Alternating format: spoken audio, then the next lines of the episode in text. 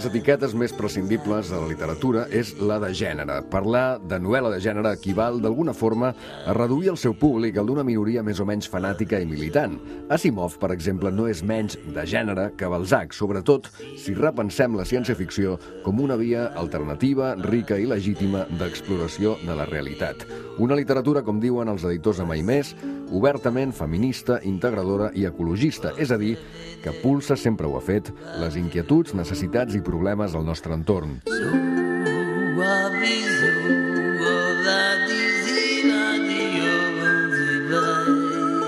Avui a Ciutat Maragda volem abordar la ciència-ficció en català amb la Judit Tarradellas i el Sergio Pérez, responsables del nou segell Mai Més, amb l'escriptor i divulgador i savi Antoni Montner Jordà, amb l'Anna Vallbona i el Borja Bagunyà.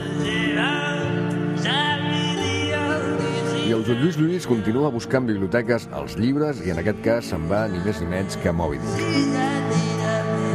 Avui, des de l'Arabesc, obrim Ciutat Maragda. Ciutat Maragda, amb David Guzmán.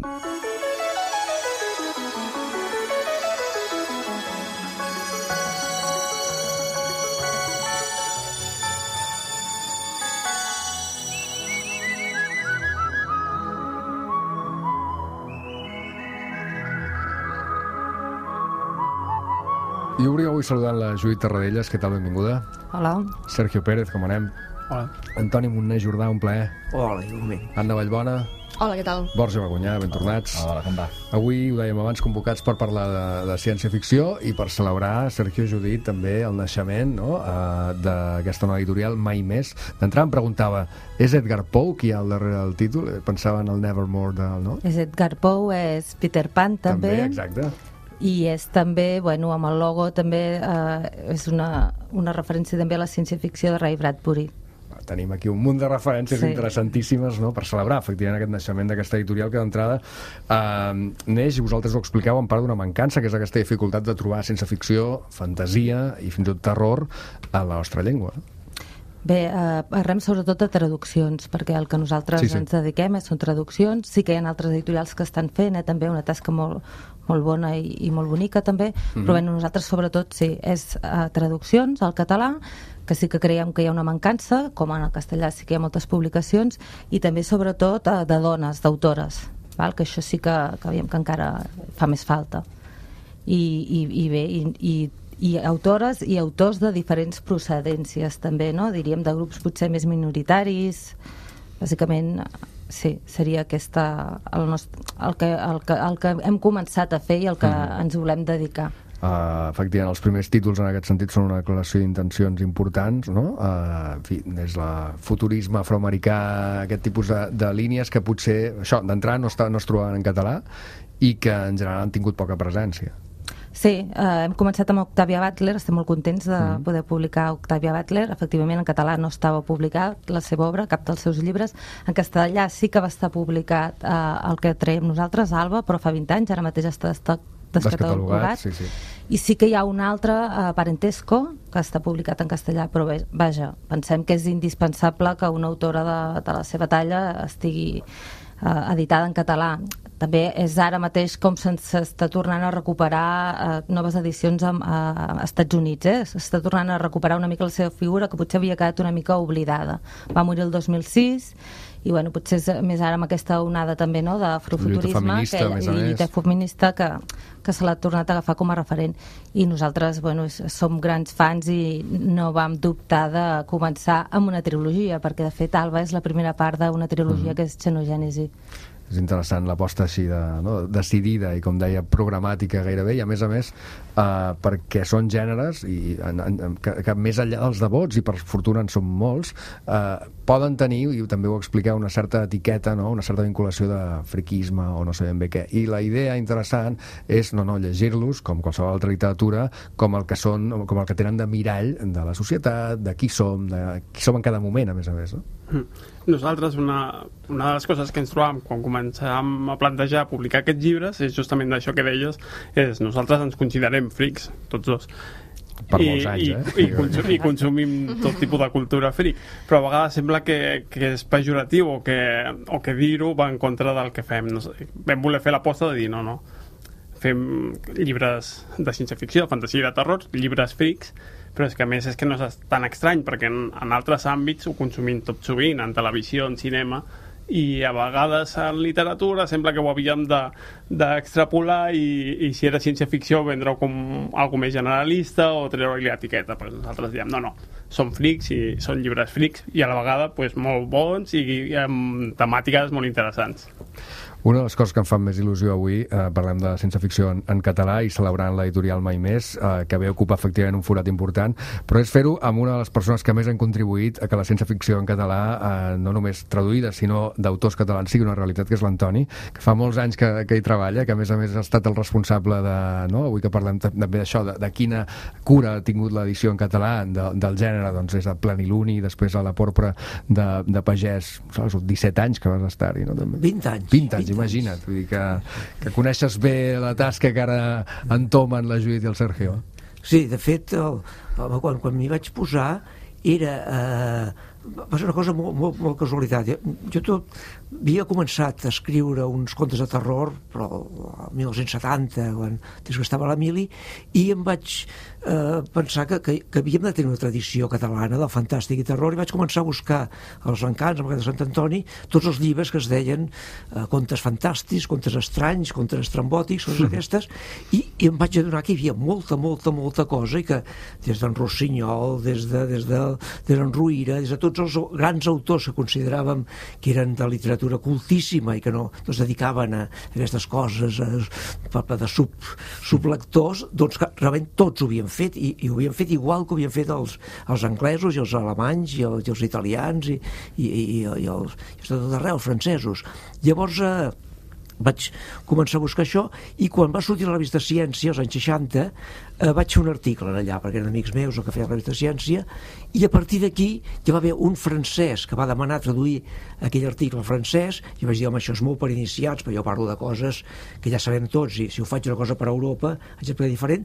I, i escolta a partir d'aquí ja, ja no han parat i, i que realment i, i comença a sortir gent que sortia un jesuïta escolta que jo sé que, que hi ha tres autors que no, tu no parles i sortia un altre, en Joan Fuster mateix que, que era entusiasta i a la revista l'Espill em va fer publicar els articles també, o sigui que, que realment hi havia una necessitat, en Jordi Sarsaredes que, que havia escrit ciència ficció o sigui que realment tothom l'ha escrit i, i, i feia falta potser una mica eh, dir ep, qui som aquí nosaltres eh? Clar, no, i per fortuna també hi ha des d'aquest punt de vista l'editorial Males Herbes no? que, que s'han ocupat sí. i ara recordava la, la Savis, Bojos i Difunts que efectivament mm -hmm. lliga amb aquesta idea de reivindicar una tradició no? Sí, és el que deia ara l'Antoni és exactament això, és a dir, la sensació que eh, repetir aquest mantra clàssic, no? de que en català no hi ha, introduïu el que vulgueu, no? Um, aquesta sensació en realitat està desmentida pels fets, el que passa és que eh, cal buscar-los, cal publicar-los, cal, cal que circulin. Un, una de les...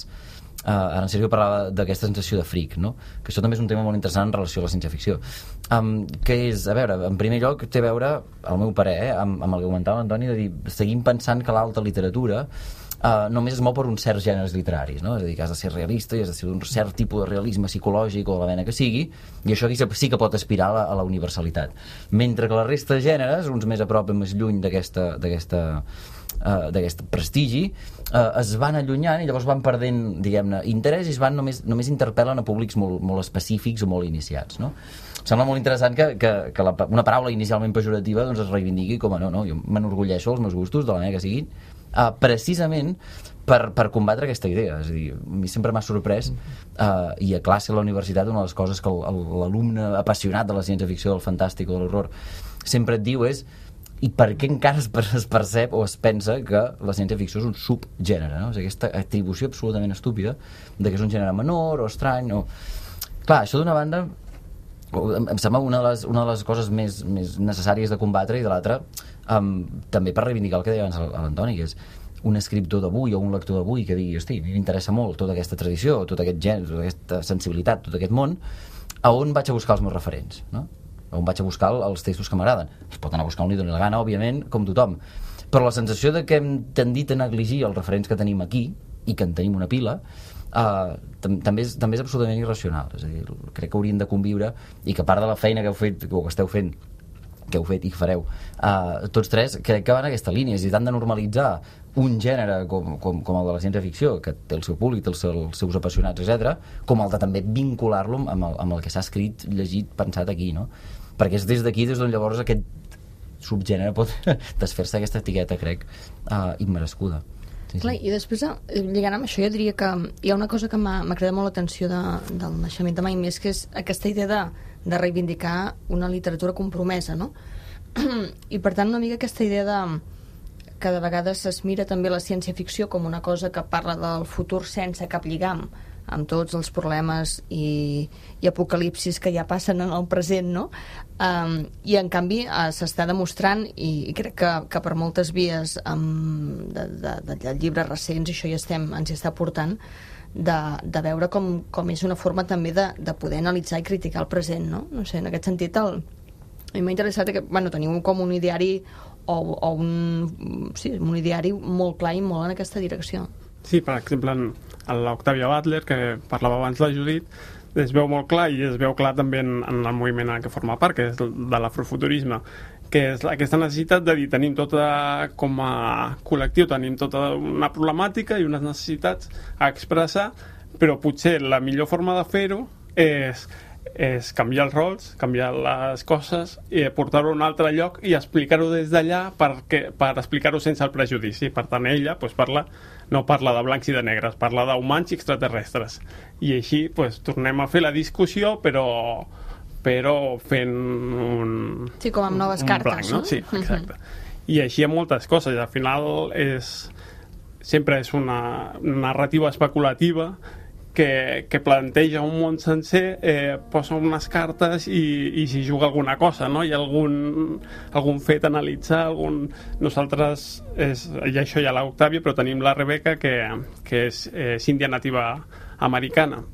Igual, fa un univers, en aquest cas no de ciència-ficció, sinó de fantasia, el planteja en un futur apocalíptic eh, post-canvi climàtic, i fa el mateix, no? presenta els, els natius americans en quina situació es troben en aquell futur i quins reptes s'han d'enfrontar. Al final, tots els autors parlen en veritat del seu temps.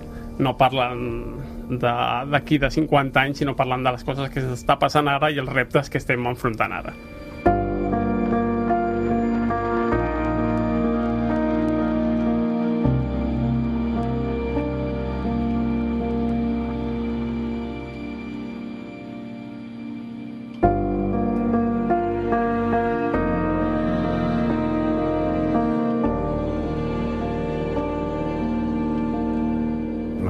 Horrors, a més bruixeria, no? Eh, matar monstres i tot això amb un punt de, o almenys ho he vist així, de, del que coneixem com a climate fiction, no? aquesta idea d'efectivament de, de retratar un, un món climàticament en perill, com és el nostre, que cop, de, malauradament cada cop més, eh, des, de, des de la fantasia a vegades més estripada, no? que, que en part lliga, m'imagino, amb els seus orígens eh, indis. Sí, no? Sí, ella no és de la tribu Navaja, de fet, ella parla sobre la tribu Navaja, mm -hmm. d'aquí va, hi van haver-hi algunes discussions, no?, perquè eh, bueno, hi havia la discussió aquesta que eh, li deien que s'atribuïa igual en una tribu, que, perquè és d'una tribu més minoritària, que ara no recordo com es diu, està... Sí, l'hauria bueno, de consultar. Però vaja, que, que, que és igual, és el, és, o sigui, eh, hi va haver-hi la discussió de si s'estava apropiant dels trets d'una tribu de la qual no pertanyia, però el fet és que estem parlant tot d'ètnies minoritàries i clar, ella parla des d'aquest punt de vista d'aquesta cultura i realment sí, és molt interessant perquè bueno, és una lectura de fantasia urbana eh, molt contemporània també, però, però que sí, que et parla de déus i d'éssers mitològics d'una ètnia no, molt antiga, diríem, i, i que tots potser tenim alguns referents televisius, de, típics com el Coyote, no? O, però que poc, o, o també de les pel·lícules potser de, de l'Oest, però realment poc coneixem a fons. I aquest llibre té un punt de vista molt interessant d'aquest rerefons i, òbviament, tot el que dius també no, de, del que és de, del que inevitablement sembla que aviat, no, d'un canvi climàtic que aquí és catastròfic, uh mhm. -huh. on només eh, sobreviu el, la, aquesta ètnia, el poble navajo, però per això mateix, pels seus poders i tota aquesta mitologia. Llavors, bueno, és, sí que és interessant, no?, que, com ha acabat el món, no?, i com és, és el sisè món, com comença, no? Tu t'hi has trobat, Antoni, havent d'explicar una cosa que aquí sembla molt òbvia, no? Això, aquesta idea que eh, el gènere pot explicar molt millor el present que la novel·la més hiperrealista, no? Sí, és que de fet, jo que a vegades, eh, com comences dient, alerta, eh, el realisme és un subgènere, és un gènere que, la novel·la és creació de mons, la novel·la, la, la, la moderna comença amb el Robinson, no?, el 1719, i és hereva del Swift, i és eh, inventar mons, inventar mons desconeguts, i això. Llavors, al final del 19, els russos i els francesos s'inventen el realisme, i és un gènere, doncs un gènere minoritari, un gènere d'això, i resulta que hi ha gent que comença... Llavors, aquí eh, jo m'he trobat de discutir, però sobretot tenim un, un, una documentació que dius, no, no em molesta discutir, eh, als anys 60 va haver una gran discussió a Serra d'Or entre en Joaquim Moles i en Pere Caldés. Joaquim Moles lector de Gramsci i de Lukács, deia que només el realisme és compromès i tots els de fantasia són uns abadistes. I el, i el Pere Caldés deia, escolti, si no diem les coses exactament com són és perquè rebem massa quan les diem. I per tant, en fantasia estem denunciant totes les situacions. Eh, el Pere Caldés és el més subversiu, el més denunciador de, de l'absurd la, de de, de, de, de la dictadura, de, de l'absurd de la situació, de l'absurd de tota la societat, i que, que, que, que molt es estigui dient això, doncs, home, fa riure una mica.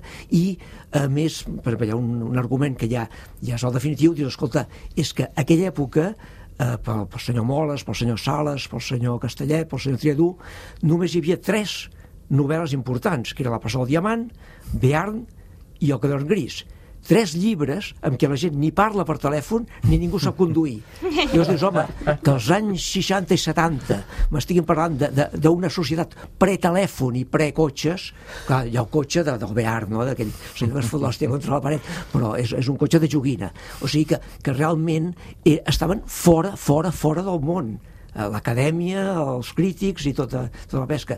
I només la, la fantasia tenia raó. Pedrolo feia les seves coses subversives a partir de totes les meses de càrrega i de donar contra l'horitzó, fent ciència-ficció, fent fantasia, fent, fent, fent simbolisme, fent kafki, eh, literatura sí, sí. kafkiana, i realment és la literatura compromesa, la literatura bueno, de ciència-ficció. Amb això que deies, jo recordo, ara no recordo qui ho havia dit, però la idea venia a ser que realment el realisme és un dels gèneres més fantasiosos que hi ha, no?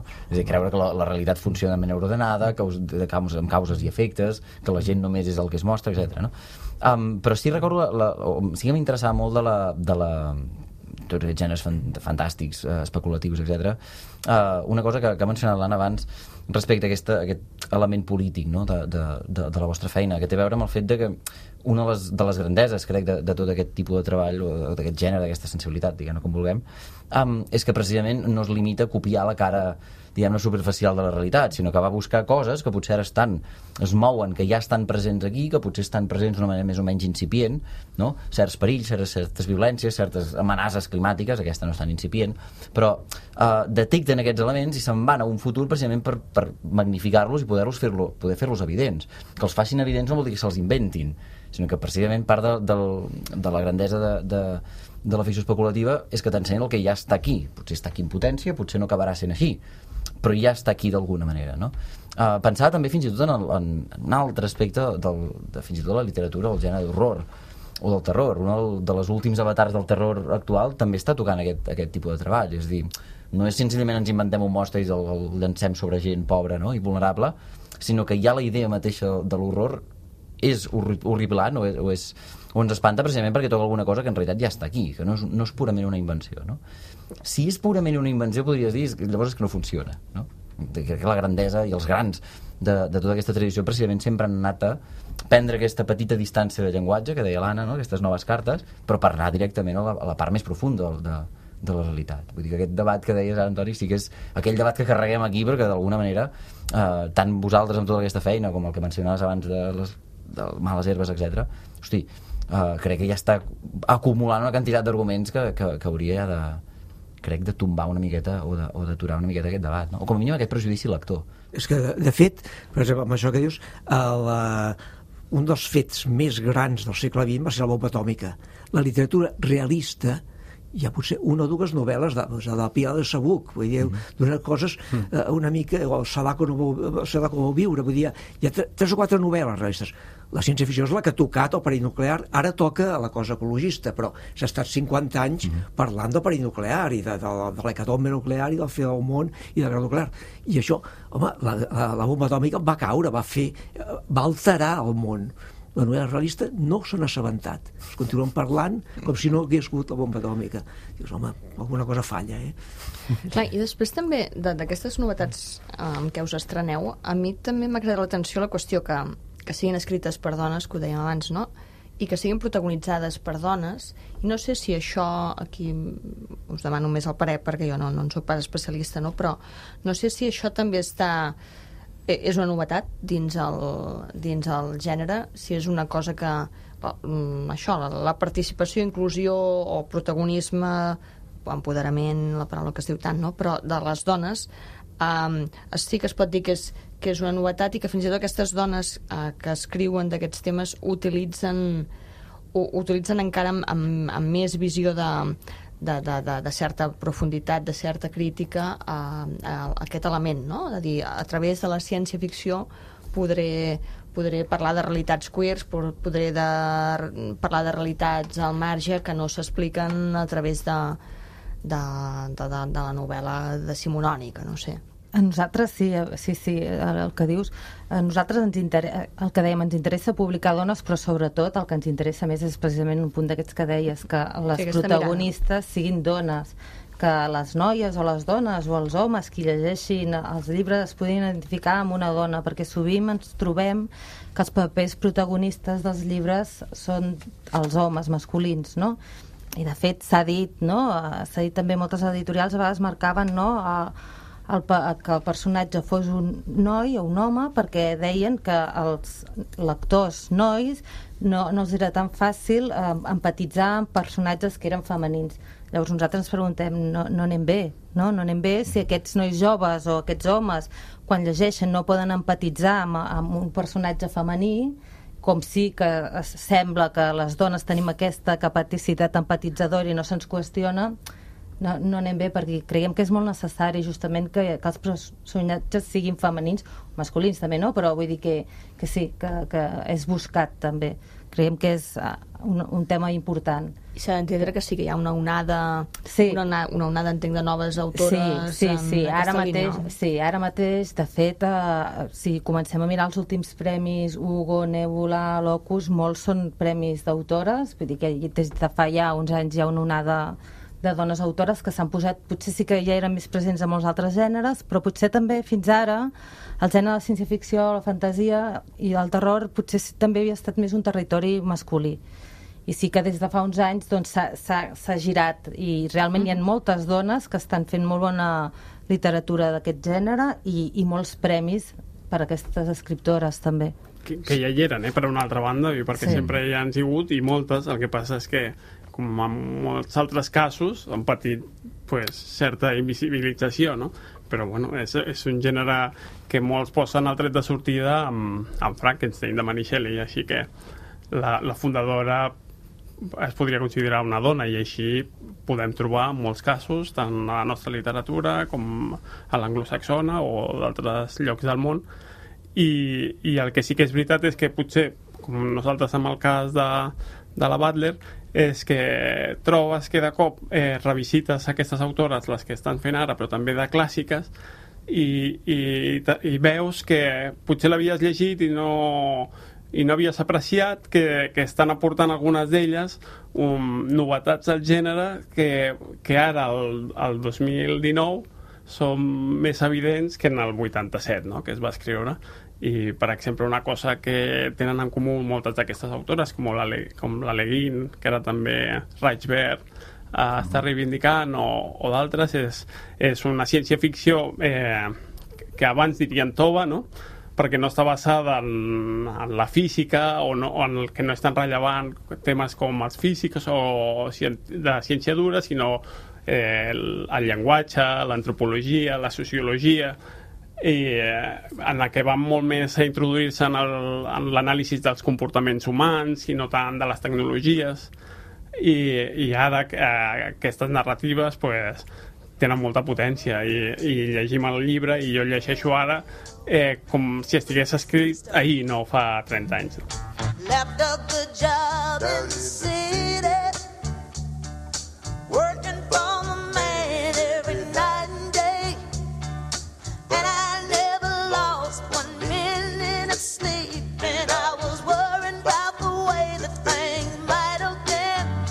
Antoni, traçant una mica una panoràmica històrica, diguem-ne, el, el, tu què diries? La, la presència, això, hi ha hagut aquest aqu- cert eclipsi no? en, en, en narrativa escrita per dones en el gènere, la, la presència... po- Podem xifrar, efectivament, com deia el Sergio, en, en Mary Shelley, la primera aparició de... No? I de, després allà, eh, cap aquí, diguem-ne, com, com ho has vist, com a lector, també? Sí, de fet, el, la, la, la ciència-ficció, quan, la ciència-ficció, clar, el nom ciència-ficció és de l'any 38, o sigui, és una cosa dels anys 30, eh, quan es codifica i quan, mm. quan s'inventa el nom, no? I, I aquell temps, i els anys 50, els temps catastrofistes, i després de la Guerra Mundial, la bomba atòmica, és quan hi ha el gran boom de la ciència-ficció, perquè la gent s'adona que, que el- els autors de ciència-ficció eren que en parlaven de- d'energia nuclear, de bombes atòmiques, que la gent no en sabia res, no? Llavors, és absolutament masculí, el món fins i tot la, la paunera de, de la ciència-ficció de, després del, de, la, de, la, de la senyora Shelley doncs als anys 50 és la Alice Sheldon però ella firma James Tiptree Jr. firma amb un pseudònim masculí però escriu contes, per exemple, hi ha un conte molt bonic que és un creuer que naufraga per una mare i una filla i amb, amb tot de gent i hi ha tota la vida social de la gent i arriben uns extraterrestres eh, va, va, baixa un ovni allà i parlen amb ells i elles se n'hi van i llavors quan algú els diu escolteu però, però eh, què feu vosaltres en, en aquest planeta no sabeu què passa diu mira allà pitjor que aquí no ens tractaran perquè pensa que, que la dona no estarà pitjor tractada D'una allà no? d'una enorme lucidesa. Sí. Llavors, per tant, als anys 50 és absolutament masculí i als anys 60 és quan hi ha el canvi. Quan el, als anys 60 hi ha el, la ciència-ficció peta i rebenta i es fa el New Zing, la, la nova cosa, que ho fa el, el Michael Moorcock a Anglaterra, i aquí el Josep Pau Panell, que publica qualsevol cosa ficció. La nova cosa, doncs en diu, no en diem ciència, en diem qualsevol cosa, i tot, tot el que fem, llavors és quan surten les dones, surten la, la, la Ursula K. Le Guin, la Doris Lessing, comença a escriure ciència-ficció, surten la, les, la, i totes, mol, moltes dones d'utopies, i, i, i a, partir, a partir dels anys 60 és quan surten les dones.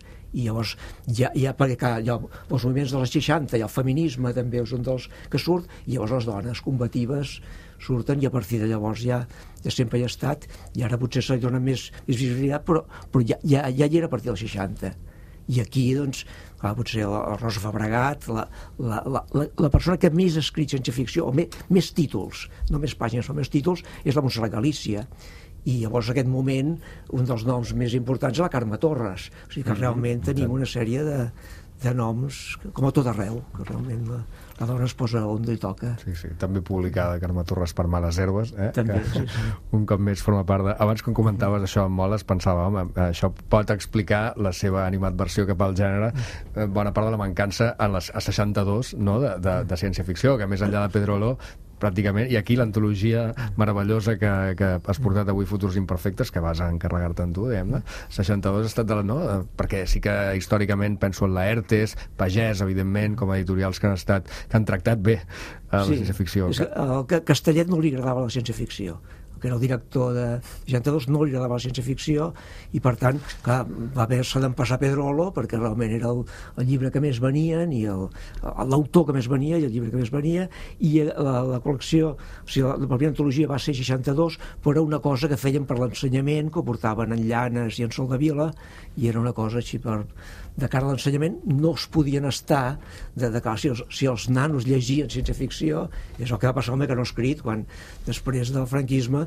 quan busquen un títol que, que, que pugui engrescar els nanos doncs home, és ha escrit que és un llibre que el 74 va passar com un llibre de Pedro Lomés, en un moment que ja, ja baixava la cosa, eh, va plegar la col·lecció Trapezi, doncs van publicar el Cangur, la primera edició va durar un parell d'anys.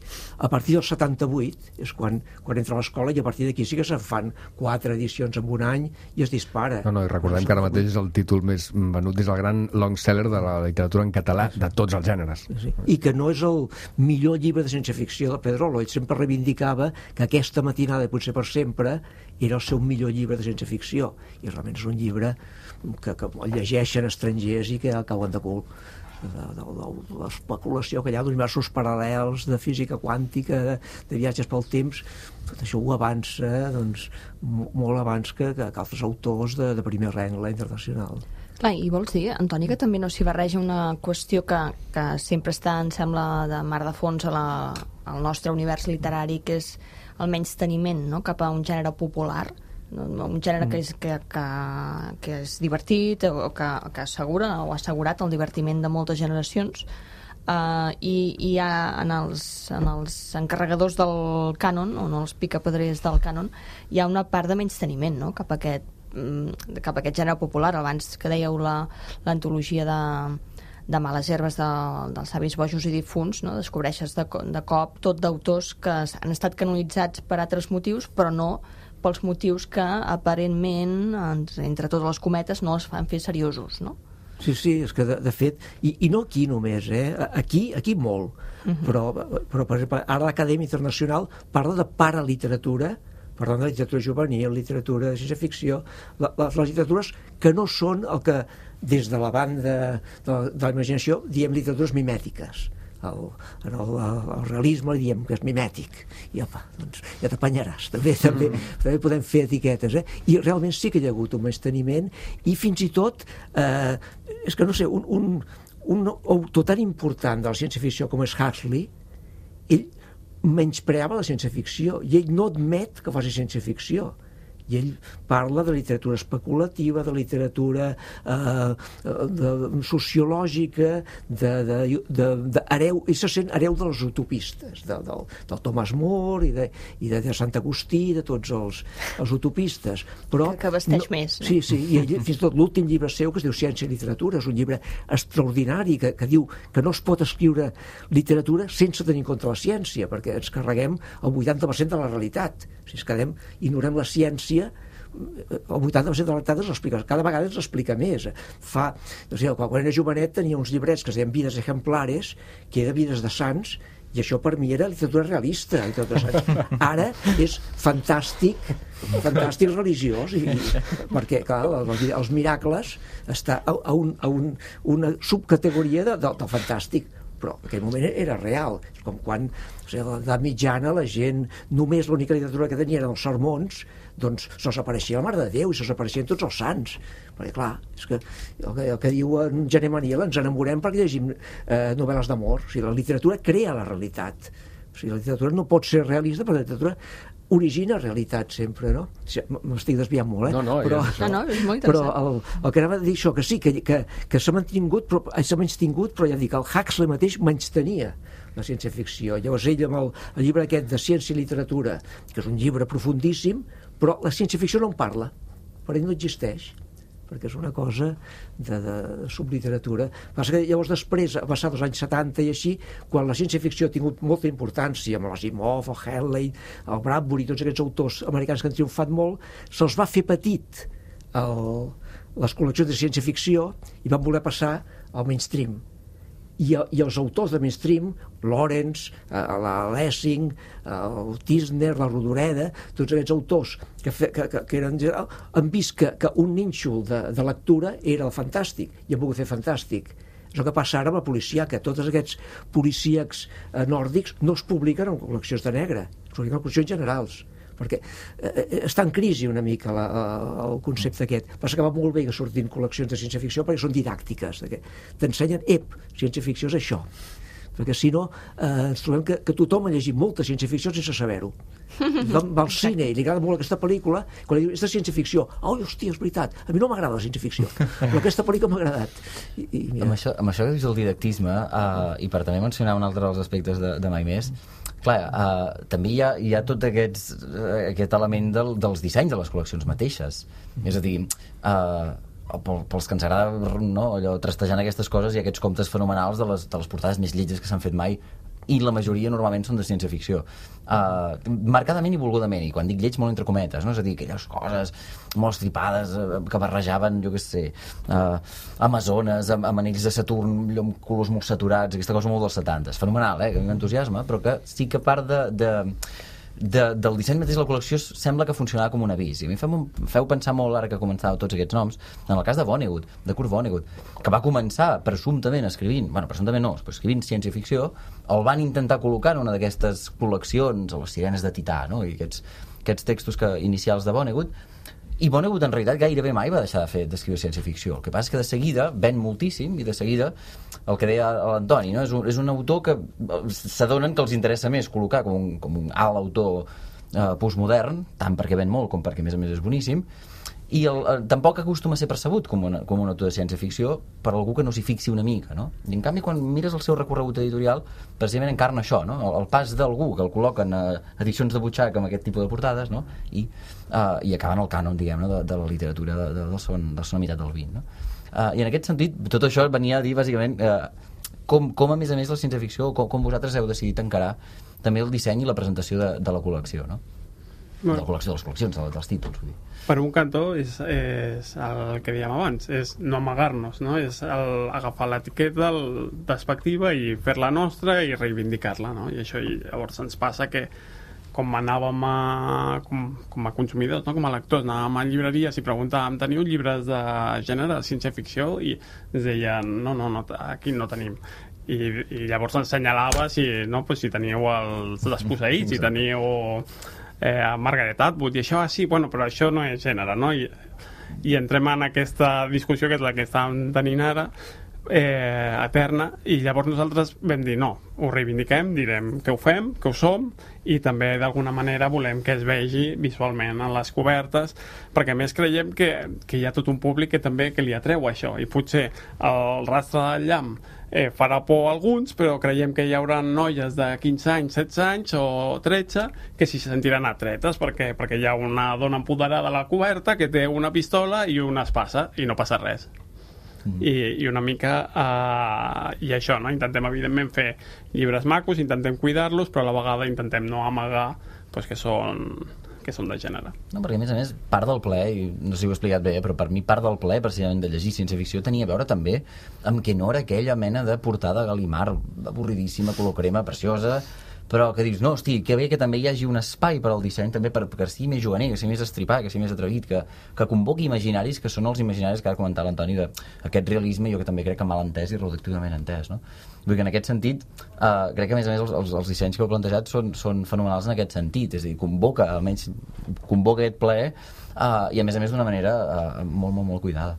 Però a més sí, que en altres països ho tenen més naturalitzat, perquè si vas a una llibreria a Londres o a Dublín o, o mm, t'hi trobaràs amb moltes d'aquestes cobertes i moltes d'aquestes portades i amb seccions enormes dedicades a això i aquí sembla que, que ho hem d'amagar i és això, és que no existeix o no ha existit, no, sí, està allà, està ple de llibres d'aquests però els fem passar per una altra, una altra cosa moltes vegades perquè ens fa por, ens fa vergonya que, que, se'n- que sigui molt evident. Since I was 12, I've been your number one fan. Kiss me, you illustrated man. I'll feed you grapes and dandelion wine, and we'll read a little Fahrenheit prolific author, Ray Bradbury. És bonic a la vegada ara pensar també que coexisteixin, no? perquè efectivament aquesta és una aposta, jo crec que visualment més internacional des del punt de vista que, que tu deies, i, però per exemple pensàvem a les herbes, que, que té un disseny, jo gairebé diria, minimalista per comparació, no? I, i que normalment són el color verd, les cobertes, com és sabut, i un petit, eh, en fi, una, un pictograma a vegades pot ser que Mitjaliada fos un- el vivendum, el, el, el, Sí, oi que sí? Era, sí, sí. per exemple, la novel·la... casc. Sí, sí, de manera grec. que hi ha... Sí, sí. Sí, bé, nosaltres de fet eh, hem plantejat un disseny diferent per cada col·lecció també. Eh? Sí que la col·lecció nova, que és la que és el rastre del llamp, que és una col·lecció que és més d'èxits de, a nivell internacional, potser també llibres que poden estar vinculats amb, amb pel·lícules o amb sèries o, o autores o autors premiats. Eh, per exemple, amb aquesta vam començar amb la mateixa portada de l'edició americana. Mm. La següent, que serà la Brigada de la Llum, eh, perdona, la Brigada Lluminosa, Uh, sí que no uh, hem fet una portada nova, que l'ha fet la Marina Vidal, però bueno, segueix una mica aquest estil. Eh?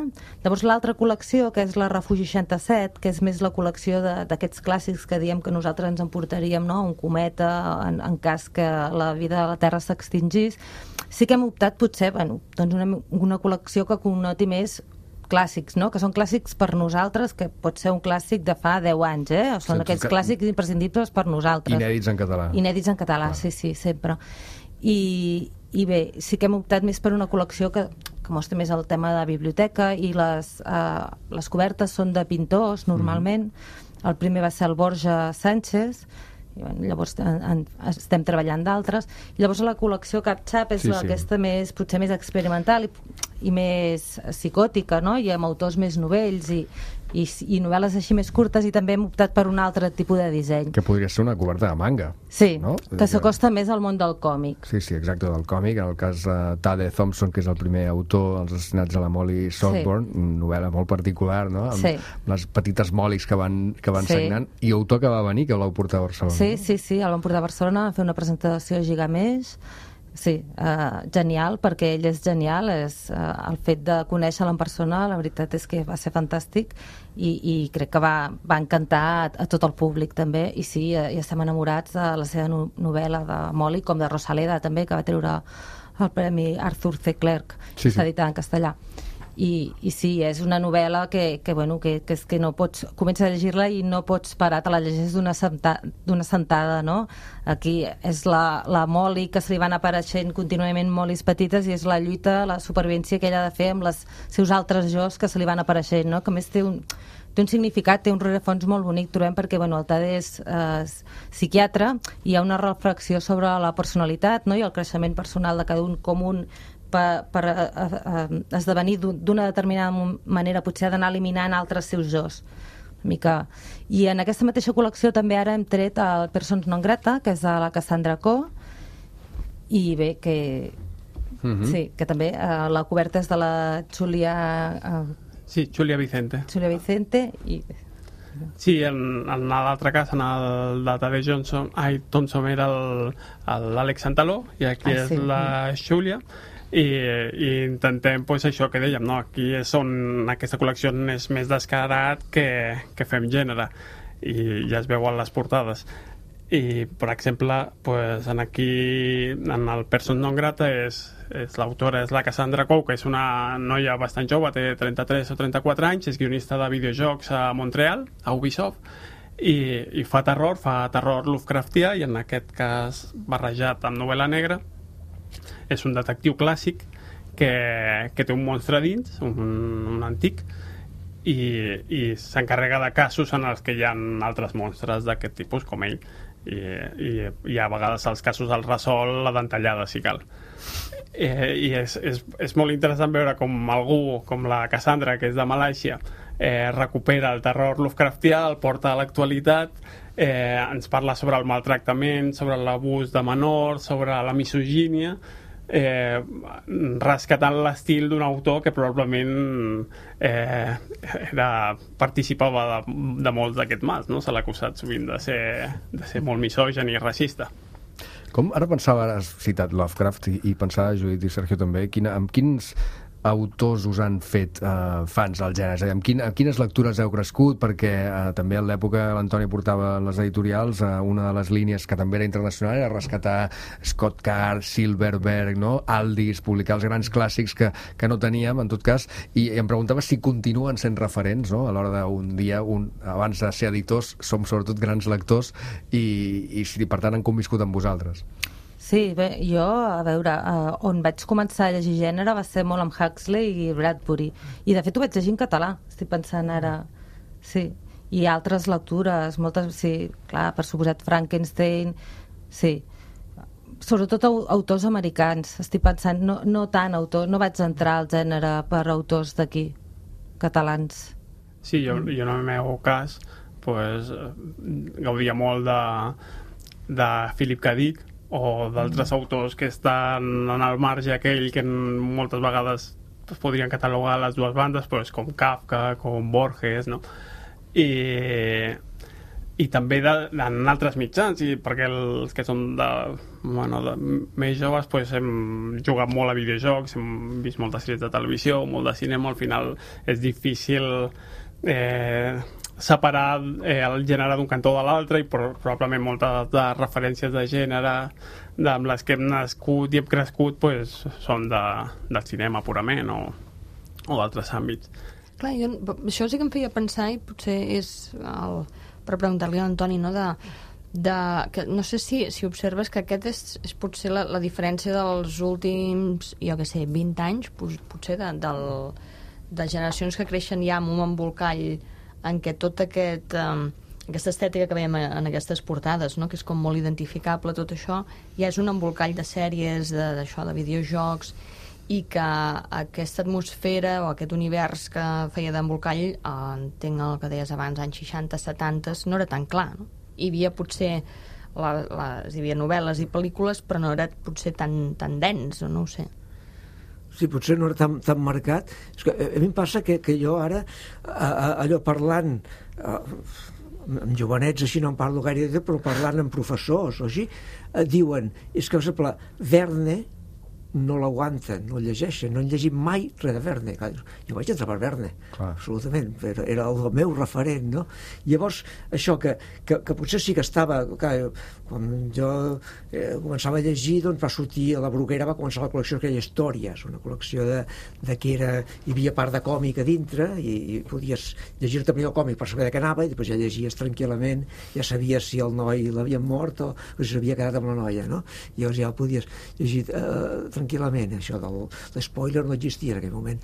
doncs, llavors, en canvi, ara veus això, sí que hi ha com una, una estètica molt marcada que eh, això no, no, no, no soc no, tu dius que per preguntar-ho a mi potser no sóc el més adequat perquè ja, ja em resulta llunyà, ja m'hi perdo Exacte, no, no, ara. per- justament per això perdo, sí, sí, deia, sí, perquè sí. Hi, hi allò que deia el Clark, que deia la ciència del futur no es distingirà de la màgia no? llavors, ara veig la ciència-ficció última que es fa ara eh, normalment surten una pila de gent que són intel·ligències artificials, que no tenen cos, que viuen a l'hiperespai i se t'apareixen com els àngels i els sants i la Mare de Déu de, a les pastorets de, la, de, Fàtima, no? Allò que, sí, que, que es van apareixent i surten i canvien de forma i clar, dius, sí, és que clar, ara, ara el- els sers més moderns no es diferencien dels àngels i els dimonis, ja.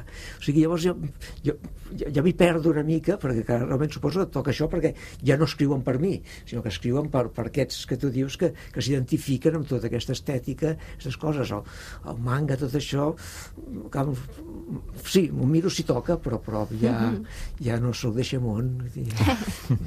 No, i després també jo volia, de, o volia treure vaja, a col·lació un altre, un altre tema que em sembla interessant i, i jo el, el, el primer cop que vaig parlar amb tu, Antoni, que va ser quan vas publicar a Michelíada, a Males Herbes, que l'esmentàveu abans, um, crec que una de les coses que em vas comentar era que, que la literatura de ciència-ficció, eh, si alguna cosa permetia, o era de les que més permetia, era a fer l'experimentalisme, és a dir, experi mm. sí, ser, ser experimental. Tu has fet aquestes dues trajectòries i les has unit, i en Mitjaliada per mi va ser com en el seu moment un descobriment perquè veies que algú t'estava parlant d'una guerra del futur amb això que dèiem amb, amb ninots de, de, de Michelin, que a més a més i diferents diferents personatges eh, que, que parlen dialectes de, en català diferent, per tant aquí ja, ja hi ha una aposta una aposta lingüística que va molt més enllà del que és habitual i, i després també que això que anava cap al futur ho havies fet escrivint, eh, pensant en la Ilíada, amb l'Ulisses, eh, eh, no? És a dir, que havies fet el doble viatge. No sé, tot és per Sí. preguntar-te Sí, sí. per la cosa experimental, Sí, perquè sí. penso que això també ens n'oblidem de vegades, de fins a quin punt potser la ciència-ficció té aquesta, pot tenir aquesta, aquesta sortida molt més experimental o molt més clara que en, que en que d'altres llibres, senzillament. no? Sí, o sigui, dins la ciència-ficció hi ha molta convencional, o sigui, hi ha gent que està escrivint encara la literatura més convencional del món i això, però l'experimentació que, que la literatura diguem realista ha renunciat a l'experimentació, ja cada vegada la literatura realista és més doncs una senyora que explica les seves experiències a la fàbrica i a la colònia i tot, ens expliquen les coses les més, les més habituals i les més de serial que, que del temps de l'Esco Ibáñez i en canvi doncs, la ciència-ficció dius, ostres, un, un, Aldis per exemple és el tio que va continuar el, el, el Fine Bags Wake o com es digui del Dos Joyce amb, amb aquella obra que en castellà es va dir a cabeza descalza, perquè és un, un, hi ha hagut un bombardeig amb, amb al·lucinògens i tots estan sombats i, i parlen amb, amb mots maleta absolutament perquè tots el cervell abans del lloc on es formen les paraules ja, ja s'ha fet un embolic. Llavors absolutament és, és això. Va fer allò de l'informe de, de l'espai A que és continuar el Robert Griller i continuar l'escola de Regard, la- el nou roman francès, o sigui que realment s'ha experimentat en literatura perquè el, el, és allò que, allò que deia Pedrolo, quanta realitat hi ha, oi? O sigui que, que la literatura realista t'ensenya fins a un punt de realitat, però hi ha molta més realitat, hi ha el que penses abans de dir, hi ha, hi ha, el- hi ha les possibilitats, hi ha tot això que després ara, els universos paral·lels, de que surt la cosa quàntica, però això ja, els escriptors ja ho havien fet, totes aquestes coses de, de, de, de mirar possibilitats diferents, i clar, tot això la ciència-ficció t'ho permet molt, i realment el, el reducte de, de, de, de, de, de l'experimentació i del risc en literatura és a la ciència-ficció, alhora del convencionalisme i el carrinclonisme també, eh? o sigui, tot ja a la vinya del senyor i tindrà tot. Eh? Sí, sí, no, en, en el cas de Mitchell és claríssim i, i per això potser més un lector es va sorprendre amb, amb l'últim teu llibre, no? Eh, que és una, sí. clar, de cop i volta tenim eh, dins el riu entre els joncs una novel·la també amb les herbes que és una novel·la, tu la defineixes documental, no? És la, la incursió, és a dir, la, la divisió en azul, aquell episodi infaust, des del punt de vista català, que no s'havia explicat gaire. Sí, no, i a més era, ja, ja ho dic, que és, que és, llavors, dic, dic, per contrarrestar accessos anteriors, i que era això, la mitjaliada, és la, la mínima unitat de literatura, o sigui, pràcticament són documents, són, són discursos, són, són informes, i hi ha un mínim, un mínim fil que ho lliga, però és això, sí, és com una dimissió de, de la literatura, que també és un experiment, en el fons, perquè és allò tots són estils, allò, el, el Candel era, eh, parlant, quan es parla les barraques de Cantunis, era un estil literari. Perquè, clar, tot, tot el que és escriure ja és un artifici. I al capdavall aquesta última novel·la és, és, um, és, és una novel·la que també parla de la guerra. Vull dir això no deixa de ser curiós, no? Que des de la ciència-ficció mitjaliada i des d'una història propera i, i, i familiar, diguéssim, doncs, doncs parlar d'aquesta història. És que són, són la mateixa novel·la, és una partida de, de, de nois que no ho han buscat i que estan fent una guerra que no l'han fet ells ni, ni elaborant com s'acaba i, i sí, és el mateix absurd fet des de dos punts de vista. E la cosa più tremenda della guerra è che è bella anche se muoiono a milioni. Con i padri sette metri sottoterra e con i figli che ci fanno le canzoni.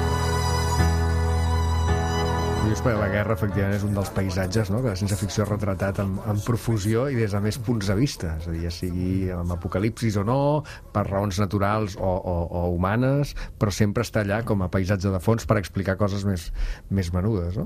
Sí, de fet, eh, la nostra propera novetat del 9 d'octubre no?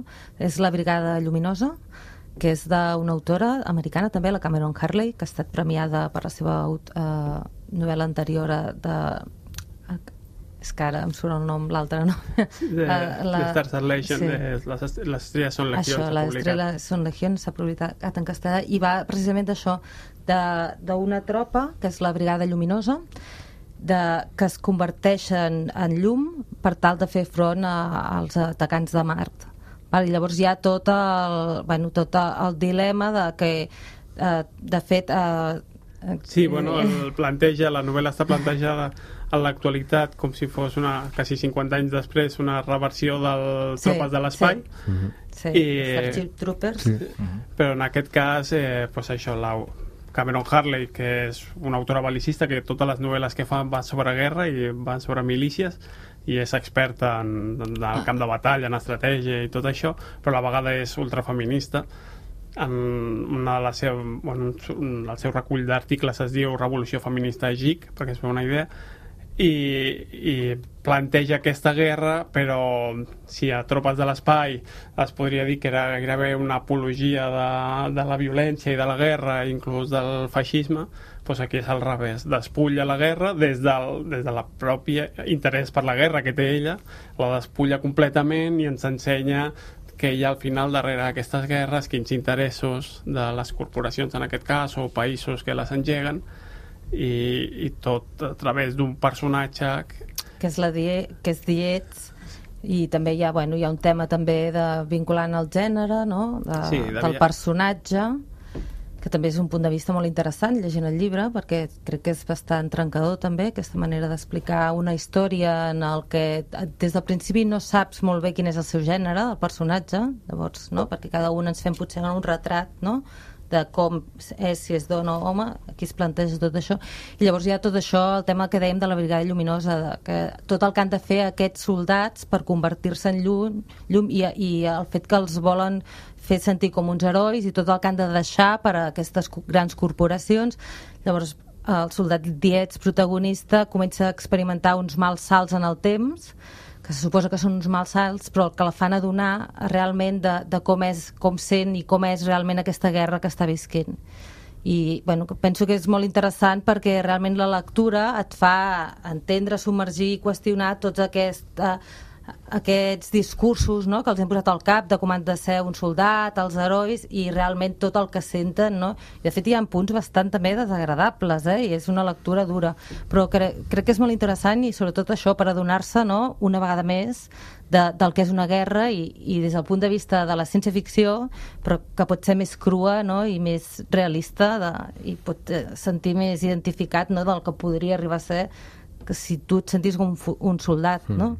No, el salt en el temps, ara pensava més vertiginós, és constatar que fa 28 segles, mm, amb la guerra de Troia i companyia, començava la literatura occidental i que continua sent un dels grans temes, malauradament. Això no diu molt a favor del nostre planeta i de com el, humana, no? i de com el tenim, no? Però, però bé, en tot cas, eh, avui sí que el que volíem era repassar des de la ciència-ficció i reivindicar. Ara també, abans en algun moment s'ha dit aquest nom, eh, perquè Tadej Thompson, efectivament, el vau presentar allà, eh, Gigamesh. Que important que és tenir un centre cultural que hi hagi apostat de, de tants anys, no? I, i on, a més a més, contribueixi a que tot aquest ecosistema editorial que ara estem eh, defensant i que estem reivindicant, doncs, pugui tenir un espai. Sí, sí, evidentment, eh, Gigamés és una llibreria del centre neuràlgic, diríem, de la cultura freak, no? ja ho diu, eh, vicio i subcultura, no? és, és el que volen vendre.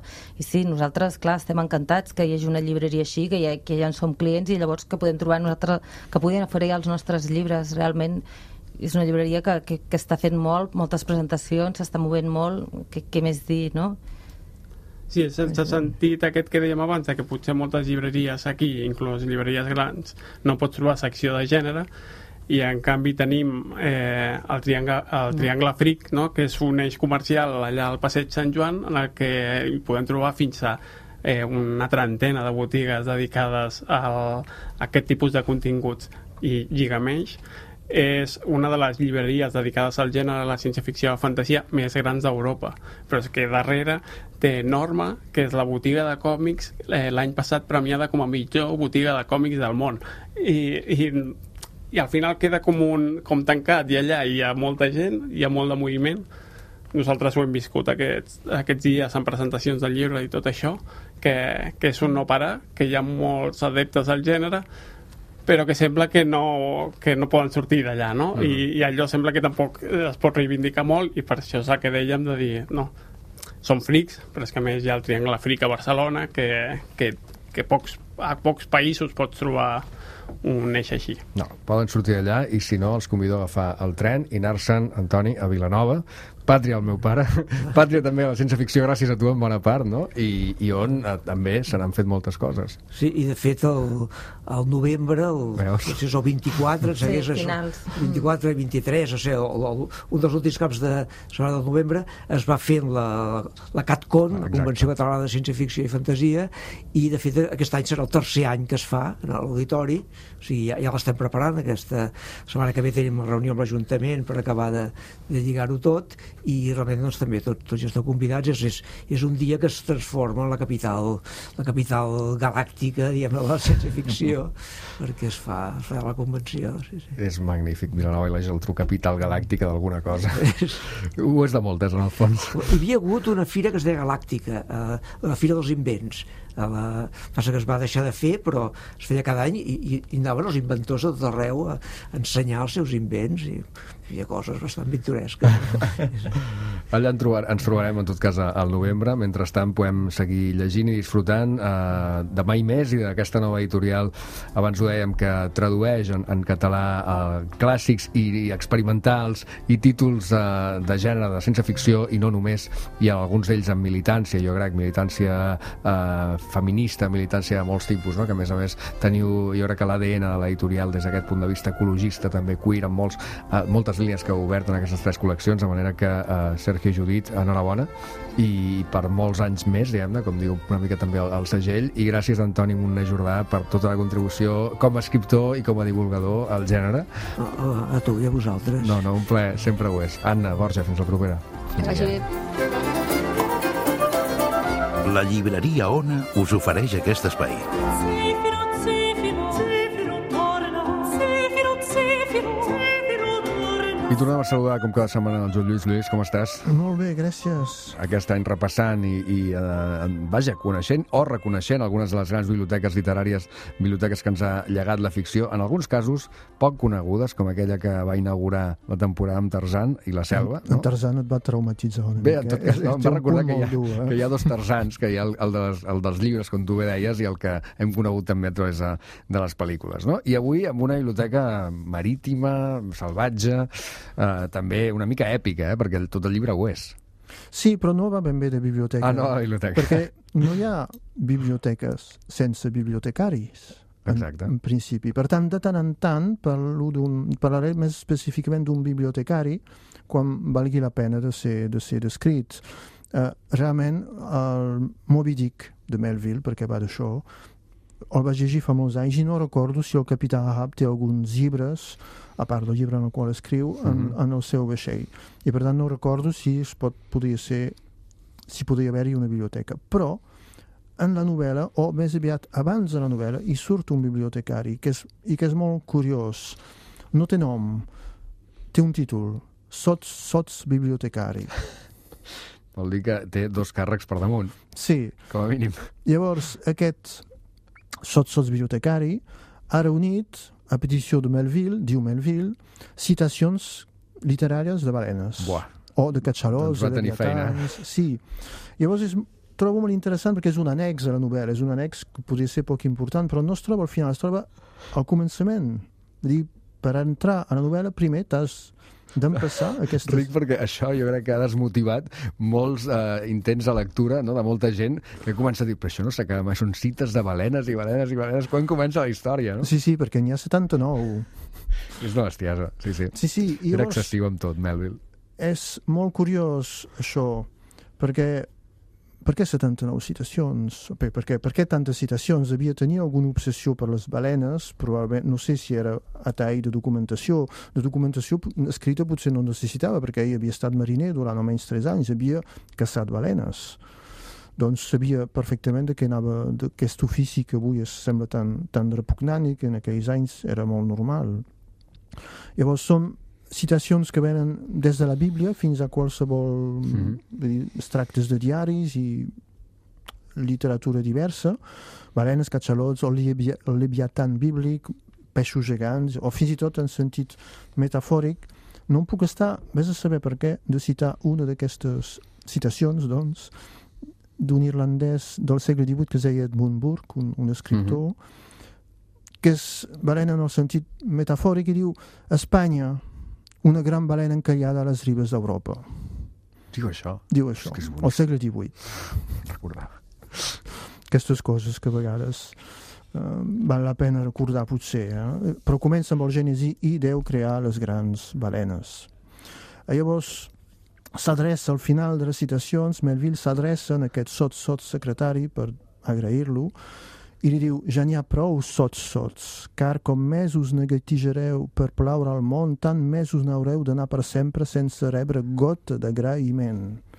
És traduït per Maria Antoni Oliver, això és important sí, sí. dir-ho.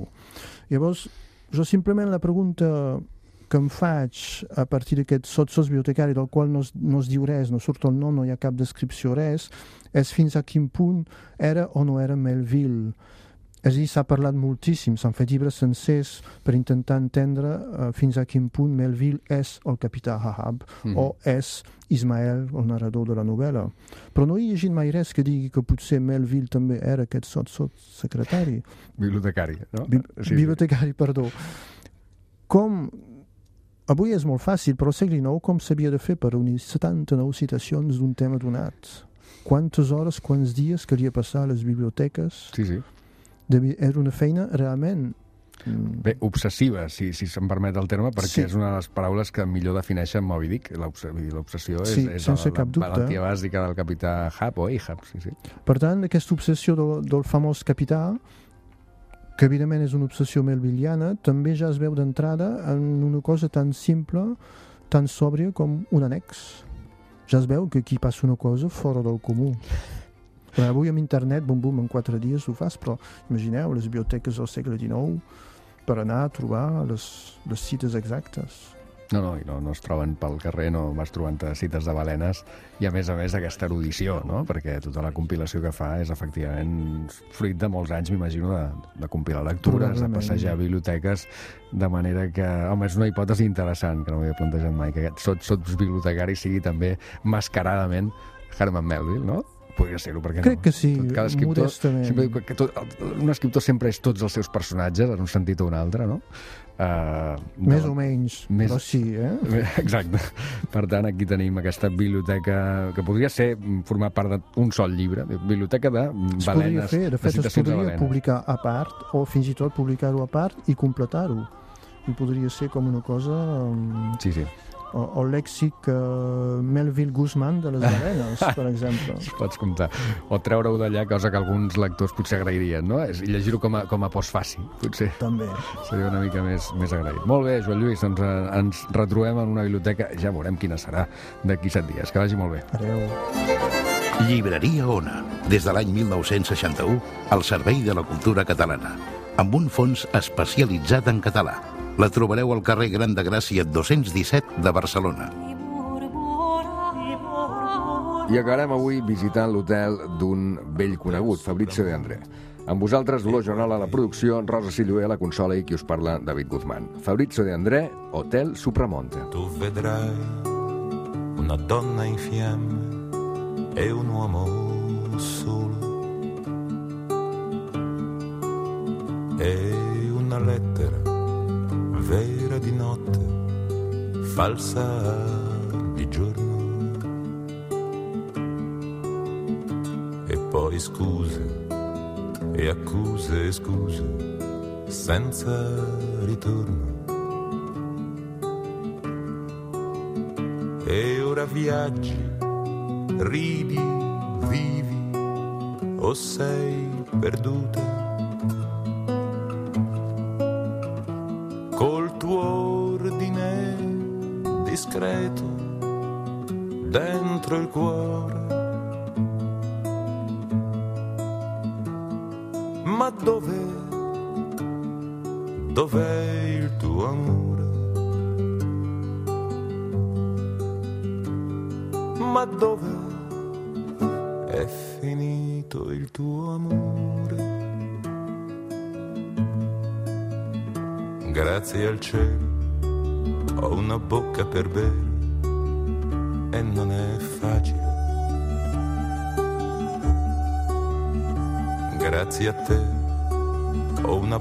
Da scrivere, ho un treno da perdere.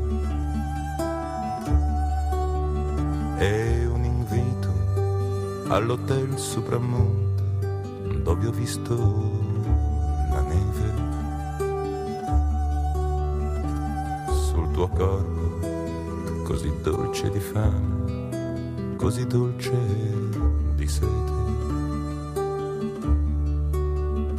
Passerà anche questa stazione senza far male.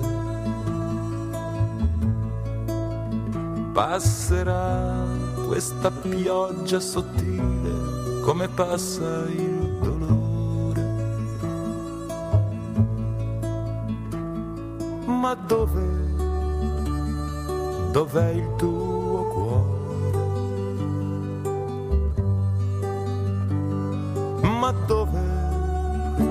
è finito il tuo cuore? E ora siedo sul letto del bosco che ormai ha il tuo nome. Ora il tempo è un signore distratto e un bambino che dorme. Ma se ti svegli hai ancora paura, ridammi la mano. Cosa importa se sono caduto, se sono lontano? Perché domani sarà un giorno lungo e senza parole. Perché domani sarà un giorno incerto di nuvole e sole.